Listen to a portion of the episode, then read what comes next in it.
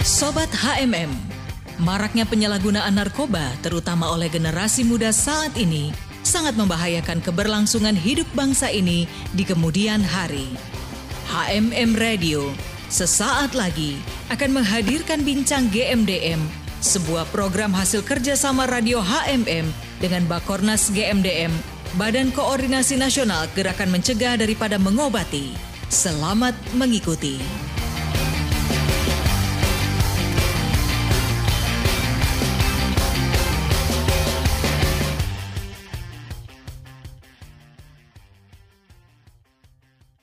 Shalom dan selamat pagi Sobat MM. Sesaat lagi Anda akan mengikuti talk show GMDM, Garda Mencegah dan Mengobati. Dengan tema kali ini adalah hukum negara dan pasal untuk pemakai, kurir, serta pengedar. Tentunya bersama dengan rekan Obed. Shalom rekan Obed. Ya, shalom Alena, terima kasih. Ya ini kesempatan yang uh, berbahagia banget nih kira-kira ya. Kita uh, pertama kalinya lagi bisa bersama di ruang studio siaran ya. Iya MM biasanya kan kalau pada saat talk show gini kan saya di WFH ya. Iya. ya. Kita punya tempat berbeda-beda ya. Sekarang kita bisa disatukan di ruang studio siaran ya. Di ruang studio. Baiklah. Benar, benar itu penting banget. Silakan rekan Obet. Baik, terima kasih Alena dan Dem Garda mencegah dan mengobati. Nah, kita tahu bahwa narkoba dan bahaya penyalahgunaannya menjadi perhatian utama pemerintah dan masyarakat karena hal ini sangat mempengaruhi kualitas generasi muda sebagai penerus bangsa. Topik hari ini membahas tentang hukum negara dan pasal untuk memakai, kurir, serta pengedar. Negatif bagi pengguna narkoba terhadap anak-anak atau generasi muda adalah perubahan sikapnya, kepribadiannya, sering membolos, menurunnya kedisiplinan, dan nilai-nilai pelajaran dan menjadi mudah tersinggung, sering mengantuk, malas, dan tidak mempedulikan kesehatan diri sendiri. Uh, menurut aku narkoba itu bahayanya bisa misahin kita dari keluarga kita sendiri. Kita jadi nggak ingat keluarga, kita nggak kita nggak jadi nggak ingat orang tua atau bahkan saudara-saudara kita. Dan itu juga merugikan hidup kita. Gitu. Penyalahgunaan narkotika atau narkoba memiliki dampak negatif yang sangat besar terhadap individu. Bahkan orang yang tidak memakai pun bisa mengalami kerugian, sepertinya seperti keluarga ataupun teman terdekat. Karena e, tentu saat seseorang kecanduan narkoba, semua akan dilakukan demi dia mendapatkan barang tersebut. Akhirnya e, narkoba bisa merusak dan merugikan. Narkoba sangat berbahaya dan hal itu bisa berdampak pada keluarga dan lingkungan si pemakai. Bahkan jika dibiarkan berkembang, dapat merusak satu bangsa. Narasumber dalam perbincangan kita pada hari ini sudah hadir Kadif Hooker antar lembaga DPP GMDM. Langsung saya akan menyapa ada Bung Flavianus AKSH. Selamat bergabung Bung Ivan. Ya, selamat pagi, salam sahabat HMM Radio di mana pun saja berada. Iya. Semoga sehat selalu. Puji Tuhan. Bung Ivan juga tetap semangat ya. semangat terus. Iya. Uh, tapi mm. uh, tolong volumenya bisa di, digedein dikit ya. Oh begitu, iya. Mungkin ya. kami akan coba secara teknis akan ditambah sedikit, Bung Ivan. Ya. Biar Siap. bisa jelas dengarnya. Kalau ya. jelas dengarnya, jawabnya juga mantap pasti ya.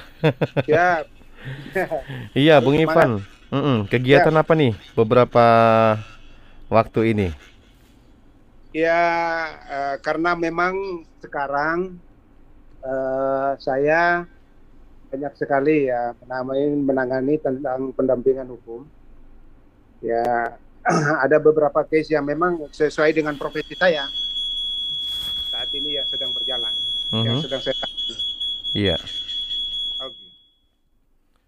Oke ya, jadi memang tetap dengan aktivitas uh, beberapa bantuan hukum ya, yang biasa memang Pasti. Bung Ivan tangani ya. bersama dengan tim GMDM tentunya ya Bung ya. Betul, betul, hmm. betul. Setuju. Nah, ini kan topik kita hari ini tentang hukum negara dan pasal untuk pemakai, kurir, serta pengedar. Cukup berat nih Bung, okay. topiknya. Ya. Hmm, mungkin uh, kita mau berbincang-bincang nih. Nah, Bung, Kira-kira hukuman ancaman apa saja nih yang diberikan masing-masing nih? Baik bagi mereka pemakai atau pengguna uh, narkoba, kemudian kurir serta pengedarnya. Mungkin Bung bisa jelaskan nih, Bung. Silahkan. Oke, baik Sobat HMM Radio, uh, perlu jelaskan yang pertama sebelum kita memulai, uh, saya mengucapkan uh, turut berbelasungkawa ya, hmm. turut berduka cita bagi keluarga Ibu S rusak keluarga besar atas meninggalnya ibunda tercita atau yang sering dipanggil kita adalah Oma. Oh. Ya, semoga ya. Tuhan juga diberikan eh, Tuhan Tuhan memberikan kekuatan kepada keluarga besar mereka yang ditinggalkan. Itu yang pertama. Iya. Lalu yang kedua kita lanjut kepada perbincangan kita pada pagi hari ini sesuai dengan tema kita tentang hukum. Uh, kalau kita berbicara tentang narkoba, tentu ada beberapa pasal, baik pasal sebagai pengguna yang pasal sebagai dikenakan kepada pengedar ataupun kurir. Nah, kalau kita berbicara berarti kita merujuk kepada Undang-Undang 35 tahun 2009. Itu kita merujuk pada undang-undang itu tentang narkotika. Maka di dalamnya itu diatur pasal-pasal yang sudah diatur. Yeah. Di mana ada lima pasal dan itu yang sering, yang sering sekali dikenakan kepada baik penyalahguna maupun kepada pengedar ataupun uh, bandar. Nah, dari kelima pasal itu adalah yang pertama, ketika si penyala, eh, ketika si korban ataupun uh, tindak pidana yang dilakukan, yang pertama adalah dia uh, menggunakan apa atau mengedar barang bukti apa. Misalnya adalah uh, narkoba golongan satu jenis alami seperti ganja ataupun hasis. Nah, itu dikenakan pasal 111. Lalu kalau uh, metafetamin atau yang namanya buatan itu dikenakan pasal 112. Bagi yang pengedar ataupun bandar itu dikenakan pasal 114 ditambah junto dengan 132. Lalu kepada penyalahguna uh mhm. -huh. itu dikenakan pasal 127. Itu ada lima pasal yang memang sering sekali yang terjadi di lapangan atau yang sudah sering diterapkan oleh para penyidik atau para penegak hukum pada tahap awal di saat mereka ditangkap ataupun pada saat mereka dikenakan tindak pidana seperti itu. Yeah. Itu pasal-pasalnya. Nah, kalau untuk hukumannya sendiri itu, Bung, baik yeah. mereka pengguna, ya kan, mereka juga yang yeah. baik kurir, pengedar, Apalagi kan kita tahu bahwa pengguna itu suka dibilang sebagai korban nih. Nah, gimana, Bu? Ya. Baik. Yang pertama saya ingin menjelaskan juga sebagai pengguna ya atau uh, penyalahguna. Pasal yang diterapkan memang ya, pasal yang diterapkan memang pasal 127. Tetapi ada di dalam undang-undang terdapat pasal yang tumpang tindih. Hmm yang pertama adalah pasal 54. Kembali kita ke belakang beberapa bulan yang lalu kami dipanggil ke Komisi 3 DPR. Yeah. Di mana di sana mereka meminta pendapat dari kalangan masyarakat terutama kepada pegiat anti narkoba ya. Di mana di situ dilakukan rancangan undang-undang nomor 35 tahun 2009 perubahan yang kedua Nah, hmm. di perubahan yang kedua itu, di mana ada beberapa pasal itu yang perlu direvisi, yang perlu direferensi dan perlu diuji. Yeah. Karena apa? Antara pasal 34, eh pasal 54 dengan pasal 127 adalah pasal yang tumpang tindih. Hmm. Pasal 54 di mana dijelaskan di situ bahwa pure tentang penyalahguna dan tidak ada yang namanya pidana. Iya. Yeah. Ya, lebih kepada rehabilitasi. Langsung rehabilitasi ya. Di ya, 54 lebih nih, kepada Bung. rehabilitasi. Iya. Tetapi di pasal 127 itu ada pidana di mana di poin A Hmm. dan poin B. Poin A di mana maksimalnya 4 tahun, minimal satu tahun. Oh. Di poin B minim maksimal satu tahun. Artinya antara 127 dengan 54 yang di mana di situ diterapkan sama-sama sebagai penyalahguna ada pasal yang tumpang tindih.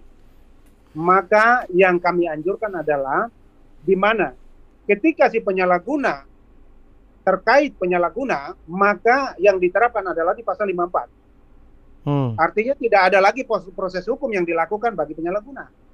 Langsung rehab gitu Yang kita maksudnya, tahu, ya. Hmm. Ya, yang kita tahu selama ini justru malah yang diterapkan 127 dengan berbagai macam persyaratan. Hmm. Ya, persyaratannya adalah harus ada asesmen, tim asesmen terpadu, Ya. ya kan? Nah, itu pun ada SEMA, ada perber yang bisa menjadi acuan untuk si penyalahguna. Tetapi yang kita tahu dan bukan rahasia umum bahwa 0, sekian persen hakim itu memberikan putusan sebagai penyalahguna Hmm. mengacu pada 127. Tetapi kalau kita kembali ke pasal 54 tidak perlu diproses. Yang 0, itu langsung ini ya. direhabilitasi. Hmm. Itulah saya bilang ada dua pasal yang tumpang tindih yang sedang kami perjuangkan di Komisi 3. Semoga ini bisa menjadi eh, sejarah kalau memang ini bisa terjadi. Bung, Itu untuk penyalahguna. Oh itu penyalahguna. Ini yang saya mau tanya gini, Bung. Misalnya di pasal 127 tadi itu kan itu Ya. ada ditetapkan langsung hukuman tadi ada empat tahun, satu tahun, kemudian Ya. poin B-nya satu tahun. Nah, apakah eh, penyebab dari pasal itu keluar karena mungkin ada pertimbangan lain, Bung? Bisa saja penyalahguna ini dia juga bisa bertindak sebagai kurir mungkin atau sebagai pengedar. Gimana tuh, Bung? Jadi gini, Hmm. kategori kategori sebagai pengguna atau penyalahguna itu kan sudah jelas. Sudah jelas kategorinya apa? Ya, berdasarkan surat edaran Mahkamah Agung, penyalahguna itu seperti Hmm. amfetamin maupun metapetamin itu di bawah satu gram. Artinya itu sudah menjadi penyalah Penyalahguna. penyalahguna. Oke, Ya. di bawah satu gram Ketika ya. dia satu gram ke atas, ke atas, artinya itu sebagai dikategorikan sebagai kurir Mhm. atau pengedar. Kalau sudah berkilo-kilo itu baru bandar, kan begitu. Jadi semua itu Oh. berawal dari situ. Jadi kita mengacu kepada surat edaran Mahkamah Agung atau SEMA atau peraturan bersama Mhm. seperti itu. Itulah yang dikategorikan pen- penyalahguna. Namun di 127 itu ada persyaratan seperti itu. Iya. Harus ada kelengkapan surat seperti persyaratan asesmen, ya Hmm. kan? Asesmen eh, yang bisa menjadi acuan bahwa dia dikategorikan benar-benar sebagai penyalahguna. Jadi persyaratan seperti itu harus ada. Artinya dia menyatakan sebagai penyalahguna tidak seperti tidak tidak hanya lisan tapi harus tertulis. Tertulis seperti apa? Yaitu harus ada asesmen, bukti asesmen yang menyatakan dia sebagai penyalahguna. Namun itu tidak menjadi sesuatu yang harus di eh, menjadi suatu kewenangan hakim bahwa ini harus direhab tidak, belum tentu juga. Mhm. Karena yang kita tahu selama ini bahwa putusan di pengadilan itu banyak sekali yang tetap aja menjalani hukumannya. Iya. Maksimalnya empat tahun. Ya, Hmm. maksimal empat tahun. Bahkan kalau ya kalau kita lihat putusan-putusan perkara yang kami yang sebelumnya itu justru malah lebih dari empat tahun, lima Hmm. tahun lebih. Nah itu padahal itu 0, sekian 0, sekian, sekian gram. Nah Iya. yang itu dikatakan penyalahguna. Namun ya itulah, Iya, ya iya. itulah hukum negara kita. Seperti itu bu. Jadi memang menarik apa yang Bung jelaskan ini. Harusnya satu gram ke bawah otomatis Ya. itu sudah langsung rehab ya Bung, karena ditentukan Ya. oleh eh, mereka adalah penyalahguna seperti tadi ketentuan Ya. yang sudah dikeluarkan. Betul. Nah, ini sebenarnya Iya. harusnya siapa yang bertanggung jawab nih Bung? Sampai mereka yang satu gram ke bawah akhirnya malah bukan direhab, eh, mereka di- justru ditentukan harus di, di apa? diproses secara hukum. Nah, siapa yang harus bertanggung jawab ini Bung? Kira-kira, Ya. silakan Bung. sebenarnya gini, eh, yang pembuat undang-undang, karena mereka sebenarnya harus melihat dulu, ya, dalam hal ini penegak, para penegak hukum, para eh, lembaga pemerintah yang berkaitan dengan permasalahan ini, contoh mulai dari BNN, harusnya begini, Jadi ini harus diperkuat sebenarnya. Yeah. Karena uh, karena apa? Ya saya saya nggak tahu waktu awal membuatnya seperti apa. Di, ya, ya kita harus maklumi memang negara Mhm. kita seperti itu. Karena apa? Ya yang yang yang bertanggung jawab sebenarnya para penegak hukum yang dalam yang keterkaitan dalam hal ini adalah mulai dari BNN, Kementerian Sosial dan mereka harus membela Ya. harus menge, menge- apa, mengedepankan eh, permasalahan ini mana yang dikategorikan sebagai penyalahguna mana yang tidak gitu loh. Mhm. ya itu loh. Tapi ya ini kembali kepada kepentingan ego daripada setiap institusi atau lembaga. Itulah yang memang sering terjadi gitu loh. Hmm, jadi iya, iya. artinya apa? Eh, eh, kita masuk kepada lembaga pemerintah yang ter, yang terkait dalam hal yang ada keterkaitan dalam masalah ini. Harusnya mereka lah yang harus paling di depan di mana mereka menyatakan bahwa oh ini ini sebagai penyalahguna tidak perlu diproses.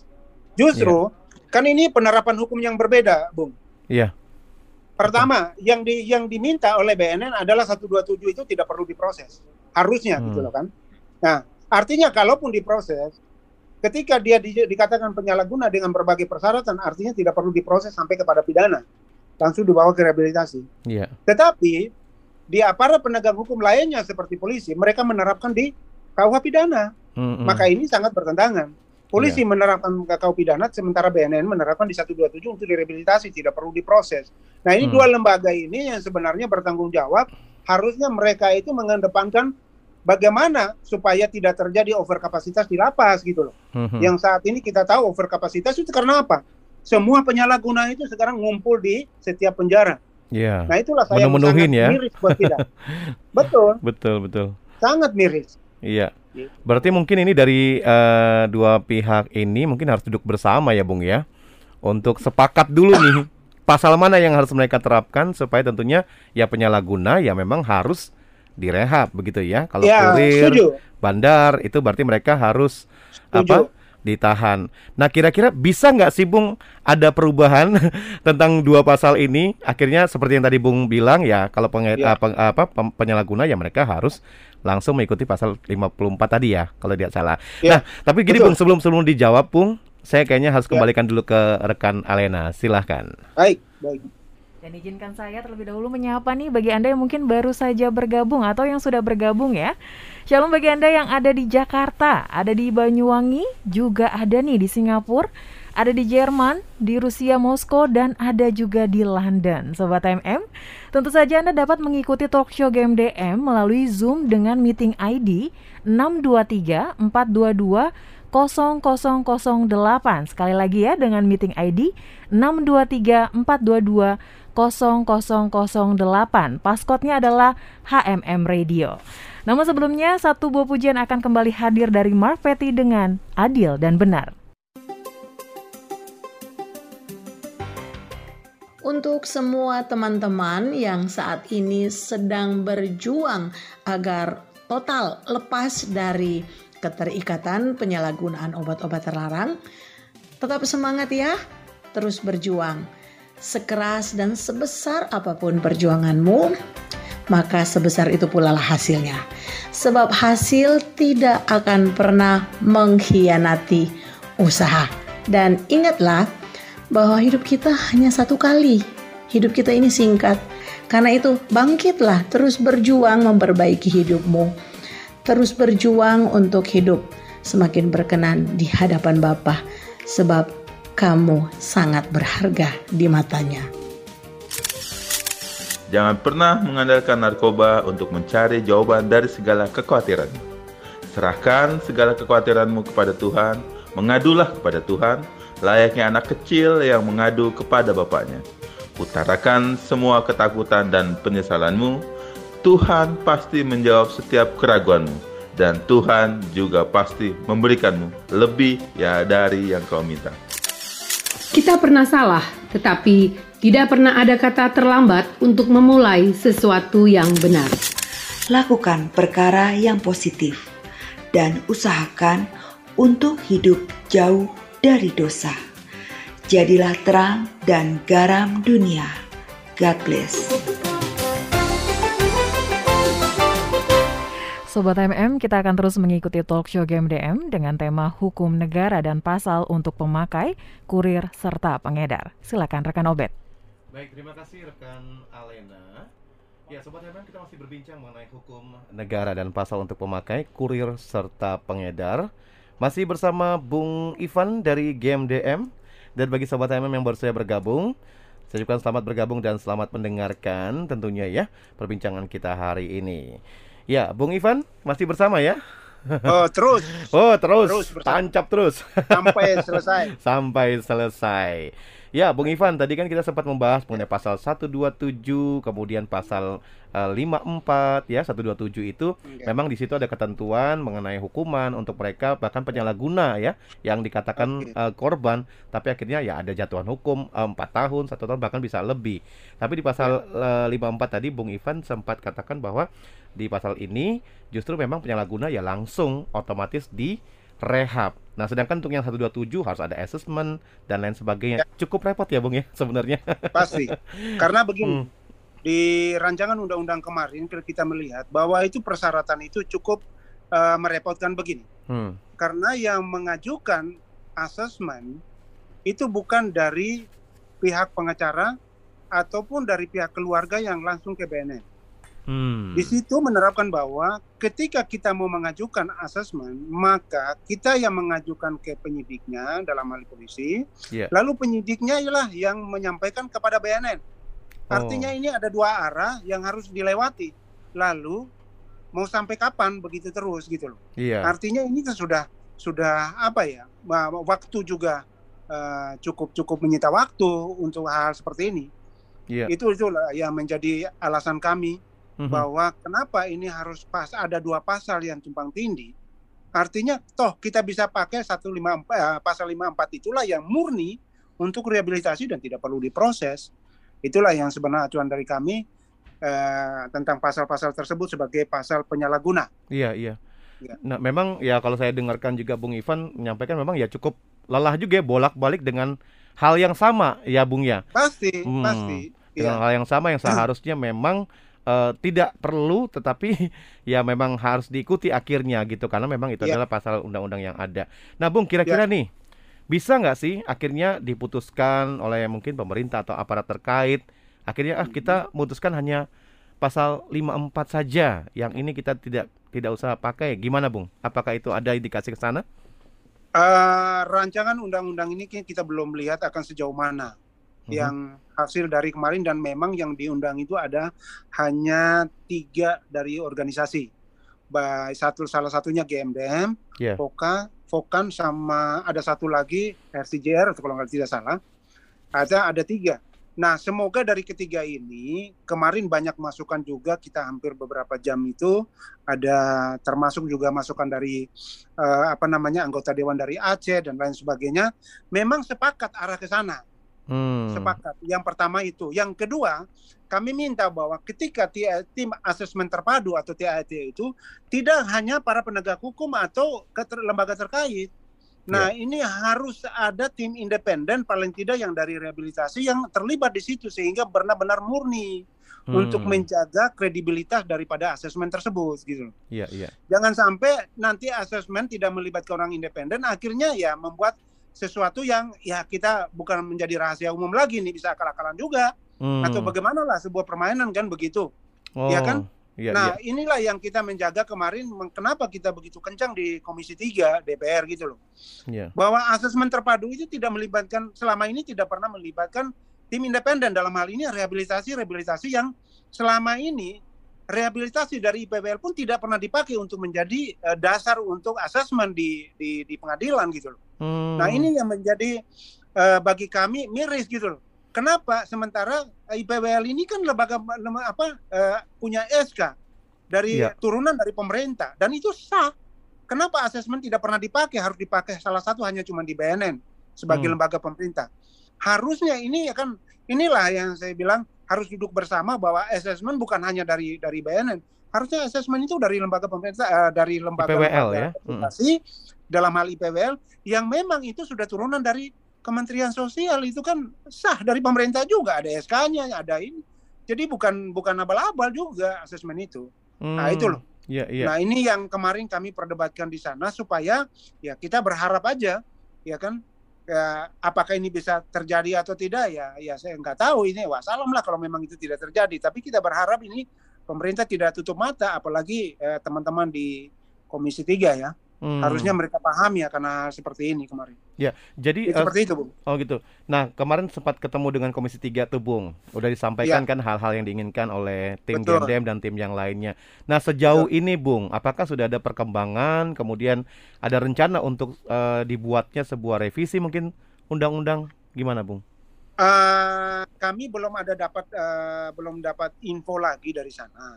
Yeah. Kami belum dapat info lagi. Kalaupun itu nanti uh, apa sampai benar-benar terjadi, ya kita uh, patut bersyukur gitu. Yeah. Tapi kalau tidak, kan masih ada upaya hukum yang namanya ke Mahkamah Konstitusi. Perlu hmm. di uh, judicial review atau apa pun gitu kan. Karena ketika hukum itu kalau undang-undang sudah jadi, artinya yang jalur yang kita tempuh hanya cuma bisa ke Mahkamah Konstitusi. Itu yang bisa kita lakukan ataupun misalnya nanti SEMA Perber itu ya kita coba ke Mahkamah Agung untuk direview ulang. Apakah ini mm, bisa kalau bisa harus menjadi acuan, jangan sampai ini hanya cuman menjadi ya salah satunya apa? Ya hakim boleh pakai boleh tidak terhadap SEMA ataupun Perber. Artinya kan ya ya itu selama selama menurut keyakinan hakim itu bisa dia pakai dia pakai. Kalau enggak ya enggak. Tapi ya buktinya selama ini ya 0, sekian persen ya ya kebanyakan orang-orang yang punya duit lah yang bisa menjadi rehabilitasi. Hmm. Ya para artis kan kita tahu sendiri kan. Ya kan kita tidak perlu menyebutkan namanya lah. Yeah. Artinya dari situ hmm. udah kelihatan berarti ada apa di balik itu semua. Kok bisa hmm. dengan barang bukti banyak dia bisa rehabilitasi bahkan berkali-kali masuk uh, sebagai apa pemakai ataupun penyalahguna. Yeah, yeah. Coba dengan hmm. barang bukti yang banyak. Ya itulah maksudnya ini hukum ini kan harus ditegakkan ya kan. Iya. Jadi artinya hukum itu ya uh, apa namanya yang saat ini dibalik kan? Harusnya Betul. kan uh, tajam ke bawah tumpul ke atas malah tajam ke atas tumpul ke bawah. Eh apa terbalik? eh, harusnya tuh tajam nah, ke atas bung. Tumpul tajam ke, ke atas tumpul ke bawah. Harusnya kan begitu jadi dibalik jadi ya harusnya iya. seperti itu. Uh, begitu ya jadi tebang pilih maksudnya ya. bung tadi ya? Betul. Hmm. jadi uh, harusnya kan seperti itu. Jadi mana yang sebagai penyalahguna mana yang tidak penyalahguna, iya. mana yang sebagai pengedar, kurir maupun bandar gitu loh. Harus dipisahkan juga dan pemerintah yang bertanggung jawab lah dalam hal ini. Iya. Ya kan? Walaupun memang kita sebagai pegiat anti narkoba ya terus mendorong uh-huh. hal seperti itu. Iya. Nah. Bung, ini menarik Bung yang Bung sampaikan ini dan selama kita suka berbincang di uh, di HMM ya. Radio ini ya Bung ya dengan GMDM dari ketum ya. almarhum Pak Jeffrey Tambayong ya. selalu sangat vokal nih GMDM mengatakan bahwa ya penyalahguna harus direhab dan sampai hari Tuh. ini pun tetap uh, menyuarakan suatu kebenaran tetap, nih saya bilang. Tetap kita konsisten tetap, terus. Iya konsisten. Nah apa sih ya. yang mendorong nih Bung Ivan dan juga tim GMDM tetap menyuarakan uh, untuk supaya penyalahguna ini yang apa korban ini ya memang harus direhab. Ini apa nih Bung? Kenapa nih kira-kira Bung? Jadi gini Bung, um, kalau bagi orang yang sudah berkeluarga pasti dia punya anak, ya kan? Betul. Dan tidak mau anaknya sebagai generasi muda ini akhirnya tertular semua ke depannya, kan begitu? Mm -hmm. Jadi kita berawal dari situ, dari keluarga karena dampak dari keluarga lah itu ya akhirnya akibat dari penyalahgunaan narkoba ini. Hmm. Nah itu yang mendorong kami gimana kami mencegah hal ini. Kan kalau orang sudah pakai di atas kan susah. Paling kurang dia hanya cuma bisa di treatment ataupun yeah. di rehabilitasi. Tapi justru yang di bawah-bawah ini generasi muda ke depannya. Nah jangan sampai negara kita menjadi negara yang lost generation artinya apa? Semua orang pakai narkoba ketika orang mau rapat mau apa menjadi pemimpin itu pada eh, pada OD semua gimana mau jadi yeah. apa bangsa ini gitu loh. Hmm. Nah, itu yang pertama. Yang kedua, kami melihat bahwa di game game ini melihat gini. Kayak kekayaan, kekayaan Indonesia ini cukup besar dan bisa bisa mensejahterakan masyarakat ke depannya. Anak-anak cucu kita dan segala mereka bisa melakukan itu. Tetapi ketika narkoba ini tidak bisa habis dan berlanjut terus, maka mau jadi apa? Kekayaan kita siapa yang mulai? Akhirnya lama-lama direbut semuanya. Hmm. Lalu lalu apa yang mau kita harapkan buat generasi muda ke depannya? Berapa turunan ke depan mau jadi apa gitu? Ya kan? Karena kita tahu musuh di balik itu semua ada apa gitu Di yeah. luar daripada narkoba yang merak, semakin merajalela di bangsa kita ini, di belakangnya ada apa dan ada siapa? Kan begitu. Nah, ini kita harus artinya apa? Semacam gerakan uh, silent operation gitu loh. Ya.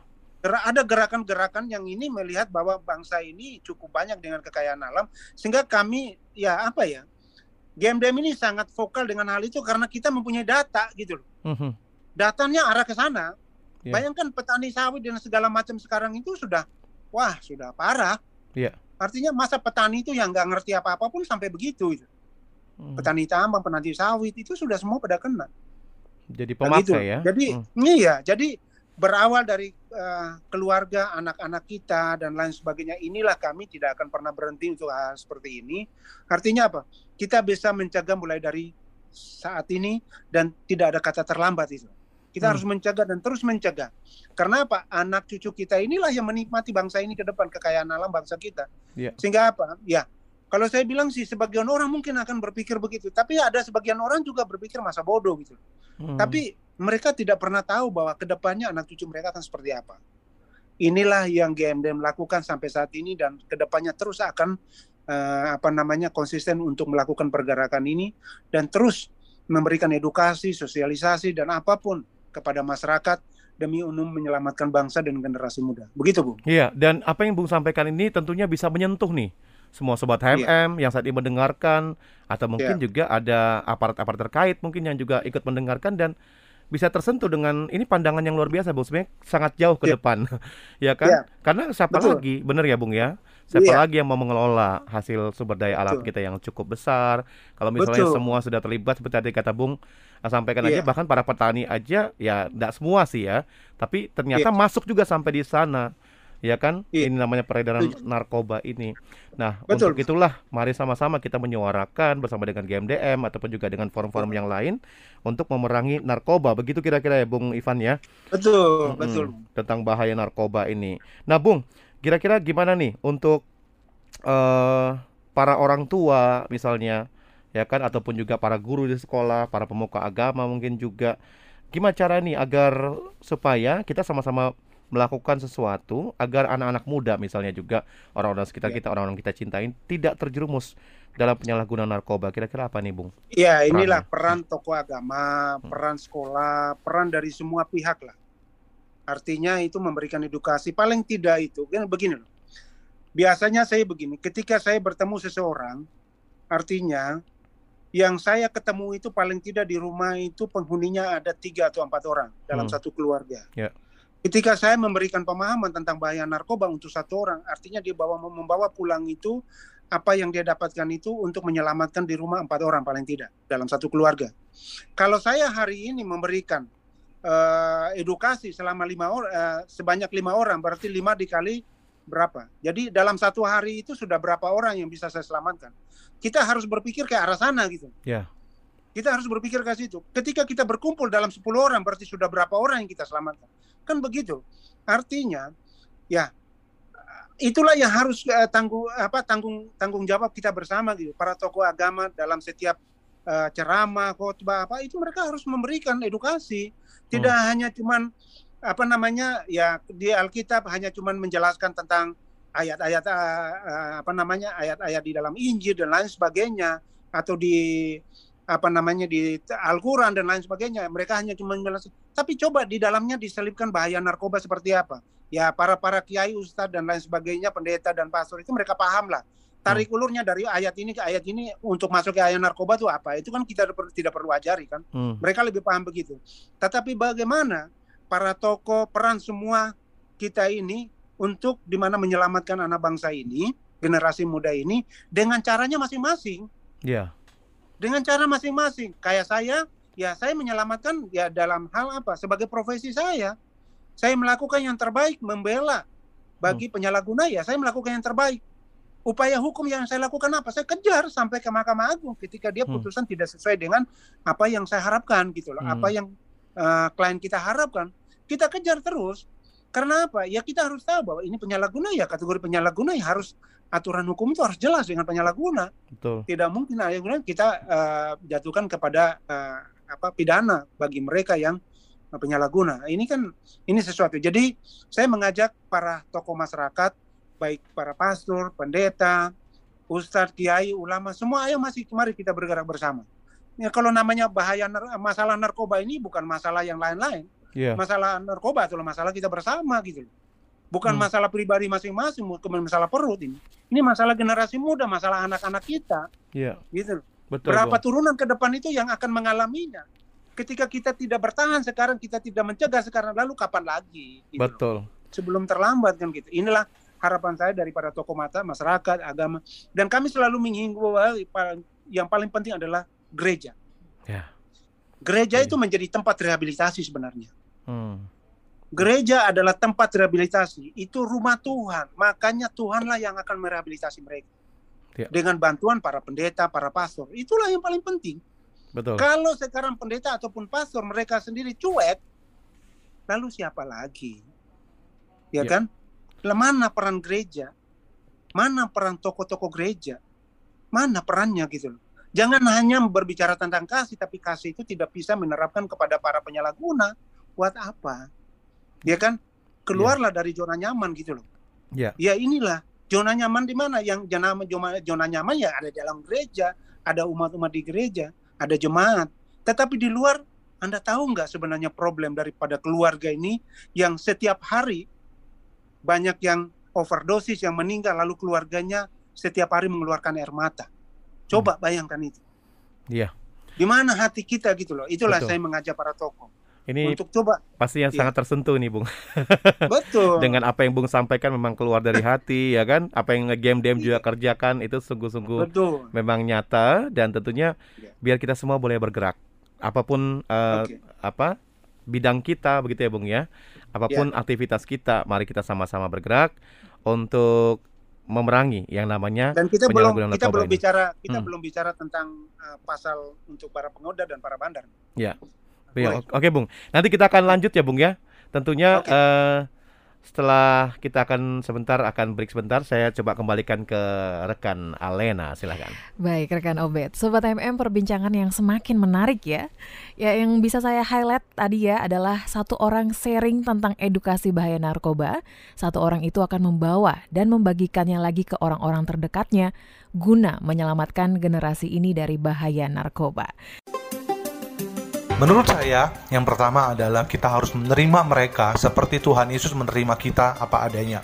Karena penerimaan itulah yang membuat dia mer- merasa bahwa dirinya itu berharga.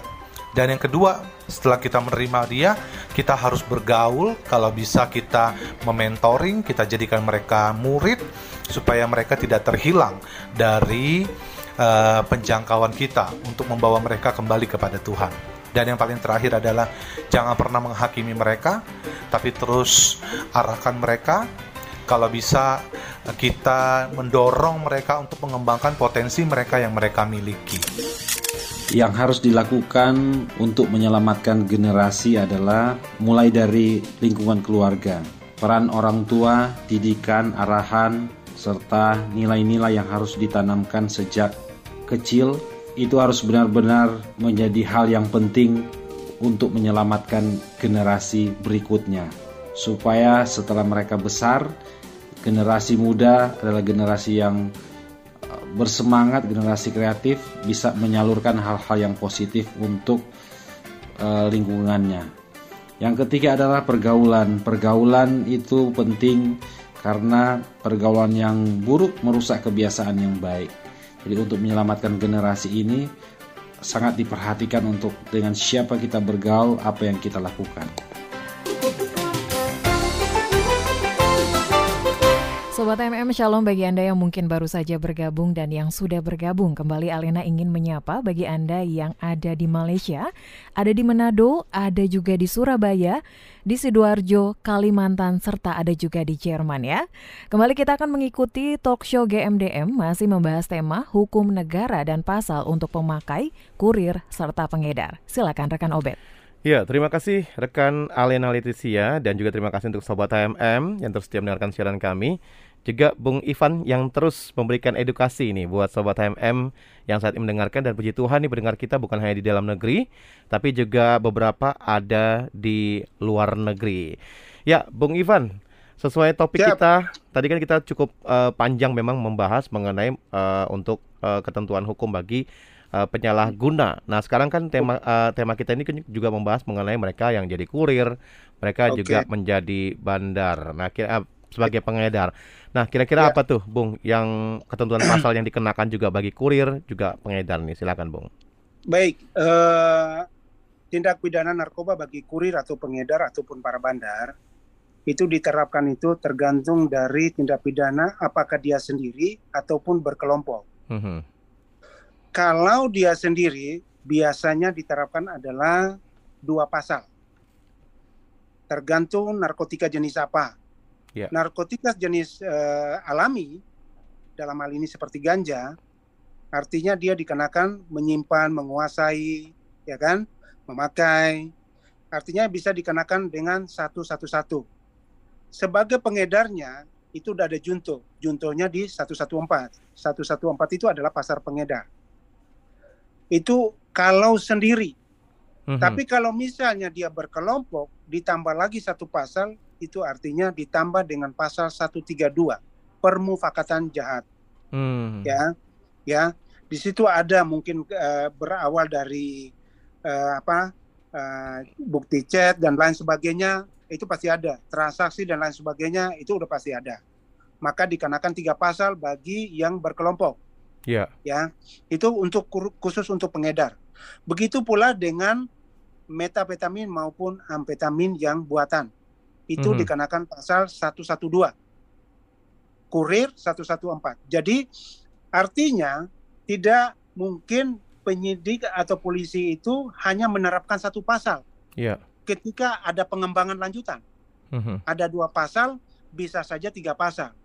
Artinya bisa 112 junto 114 kalau berkelompok berarti lebih dari satu orang ditambahkan dengan 132. Ya. Itu. Tapi kalau kalau yang metapetamin maupun amfetamin. Nah, kalau yang jenis alami tadi sama seperti itu juga.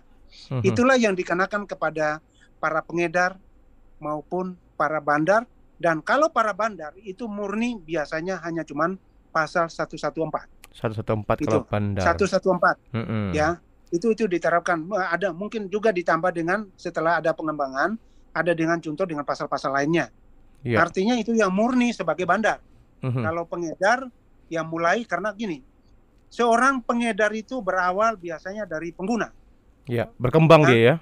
berkembang, Berkembang yang tidak baik. Ya, yang kita kenal dulu ada pahe, pakai hemat, gitu Hmm, kan? pahet. Ketika dia memakai, Hmm. nah, kalau dia mau jual berarti dapat satu gratis satu, beli satu gratis Hmm. satu, kan seperti itu. Ya, ya. Itu buat para pengguna yang berkembang menjadi uh, Pengedar. pengedar, dia naik kelas lah istilahnya, naik kelas, ya kan? Yang tadi pengguna jadi pengedar, naik kelas dia kan. Hmm. Tapi ini ini yang sangat prihatin sebenarnya sebenarnya. Iya, iya. Jadi itulah pasal-pasal yang dikenakan. Berapa hukumannya? Nah ini semua banyak sih. Sekarang ini kan eh, medsos kan udah udah berkembang banyak orang bisa melihat lah di situ. Setting di Google kelihatan. Iya. Kalau dia barang buktinya di atas satu gram, kenanya berapa? 5 gram, 6 gram berapa? Mhm. Ya kan? Ya kalau di atasnya di di atas satu gram biasanya diterapkan eh, tindak pidana ber- eh, hukumannya itu lima tahun sampai dengan 12 tahun. Ya kan? Lima tahun sampai 12 tahun denda 800 juta sampai satu miliar atau diganti dengan hukuman tiga bulan bahkan sampai enam bulan. Ya. ya kan? Nah, kalau misalnya lebih dari eh, 10 gram ya artinya itu bisa seumur hidup bisa saja hukuman mati atau bisa saja 20 tahun Hmm. itu tergantung hakim yang memberikan putusannya nanti Ya. itu khusus para pengedar Nah, kalau para bandar sudah bermain berkilo-kilo ya Hmm. kita sudah tahu berarti hukumannya mati Iya, iya. Nah, eh, satu kasus terakhir adalah di eh, Jakarta Pusat. Kita kemarin tangani eh, kurang lebih sekitar eh, 990-an gram. Hmm. Eh, eh, 990-an ribu.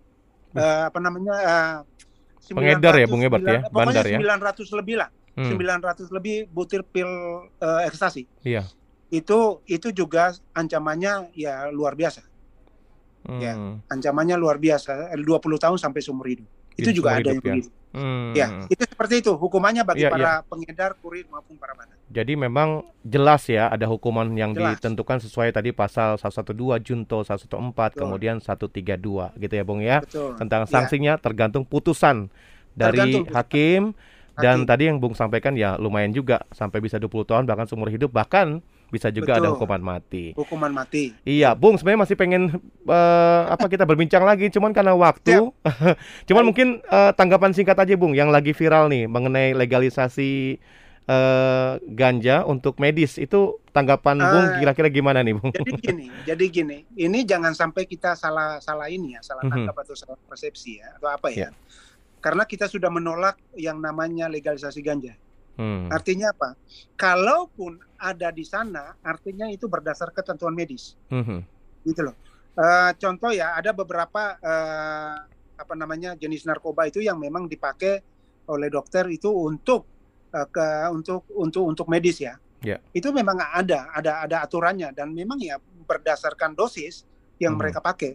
Artinya kan bukan hanya cuma ganja, bisa juga dan narkoba jenis lain yang memang sudah di sudah diformulasikan sedemikian rupa Mhm. supaya ini ya artinya kan begitu. Kalau memang masukin Betul. ganja bukan hanya cuma ganja, di situ kan ada jenis lainnya juga, Iya. ya kan? Sekarang kalau kita tahu di ya singkat singkatnya aja em, di obat-obat batuk atau lain sebagainya itu obat obat apalah mau yang sekarang ini sering Hmm. beredar yang yang lagi beredar itu kan di dalamnya ada kodein. Kodein ini kan juga narkoba, Hmm. tetapi itu berdasarkan dosis ketentuan medis Iya. gitu loh. Takarannya sesuai ya. juga. Takarannya Iya, sesuai semua ya, ketentuan Bung. medis. Di Hmm. situ kan sudah tertulis. Iya. Coba Anda beli eh, obat sakit kepala lah atau apa pun, Mm, mm, mm. ya kan? Obat, obat flu, batuk. Di situ kan ada tulis kodein 0, sekian Iya. atau berapa. Itu Iya. berdasar ketentuannya. Jadi kita jangan salah menilai bahwa eh, ada beberapa jenis narkoba, tapi ini memang dipakai untuk, berdasarkan ketentuan medis. Misalnya untuk praktek ya di universitas yang memang ada keterkaitan dengan itu, Iya. Dokter dan lain sebagainya. Ini ini kepentingan penting medis memang harus gitu loh. Hmm. Tapi bukan berarti Sesuai. mereka mentah-mentah langsung Mm-mm. ke situ enggak, ada campuran dan lain Mm. sebagainya. Dan itu yang tahu dokter lah, Betul. bukan kita ya kan. Jadi tentunya Dokter sesuai dengan ketentuan yang ada ya, Bung ya. Sesuai dengan Jangan ketentuan. sampai Kalau melanggar hukum. Kalau kita bicara itu kan bicara tentang penyalahgunaan, baik Ya, ya. dokter maupun siapa pun kan bicara penyalahgunaan. Mm-mm. Di, di- ketika dia melakukan penyalahgunaan berarti dia berhadapan dengan hukum. Itu kan Ya. seperti itu. Iya, oke, Bung. Iya. Kayaknya waktunya masih kurang nih, Bung Ivan. Next lah kita Masih akan nyambung lagi. Iya, Ya, iya. Saya kangen sekali mau ke ke sana ini biasa makan nasi padang. Oh, gitu. Oke, Bung nanti Oto next. sekarang di mana nih Bung Oto? Iya, Bu, eh, kami masih sama-sama memang di kita di studio saat ini, Bung. Dan eh, kita akan langsung tutup saja talkshow kita hari ini ya. Bung Ivan, terima kasih buat waktunya. Salam Siap. juga buat rekan-rekan semua dan juga eh, kami sampaikan turut berduka cita juga untuk Ibu Elsha Nayawan, pendiri Game DM yang saat ini sedang berduka kehilangan mama terkasih ya, Bung. Salam dari kami tim HMM Radio. Baik. Sobat HMM. Anda telah mengikuti perbincangan dengan GMDM Garda Mencegah dan Mengobati dengan topik hukum negara dan pasal untuk pemakai, kurir, serta pengedar. Informasi tentang GMDM, DM, GMDM dapat menghubungi di 021 866 15552 021 866 15552 Nantikan perbincangan kami selanjutnya bersama GMDM dengan topik menarik seputar penyalahgunaan dan pemberantasan terhadap narkoba untuk menciptakan Indonesia bersinar bersih dari narkoba kita kembali pada rekan Alena. Baik, terima kasih rekan Obet. Sobat MM itu dia tadi bincang GMDM dengan membahas tentang hukum negara dan pasal untuk memakai kurir serta pengedar. Ikuti bincang GMDM selanjutnya setiap hari Rabu pukul 10 dan Anda juga dapat mengikuti melalui Zoom dengan meeting ID di 623 422 0008. Saya ulangi di meeting ID 623 422 0008 dengan paskot HMM Radio. Alena masih akan terus menemani Anda tetaplah di Joyful Time di www.hmmtsradio.net HMM Radio, Praise and Worship in Unity. Sobat HMM, Anda baru saja mengikuti Bincang GMDM, sebuah program hasil kerjasama Radio HMM dengan Bakornas GMDM, Badan Koordinasi Nasional Gerakan Mencegah Daripada Mengobati. Terima kasih atas kebersamaan Anda. Sampai jumpa.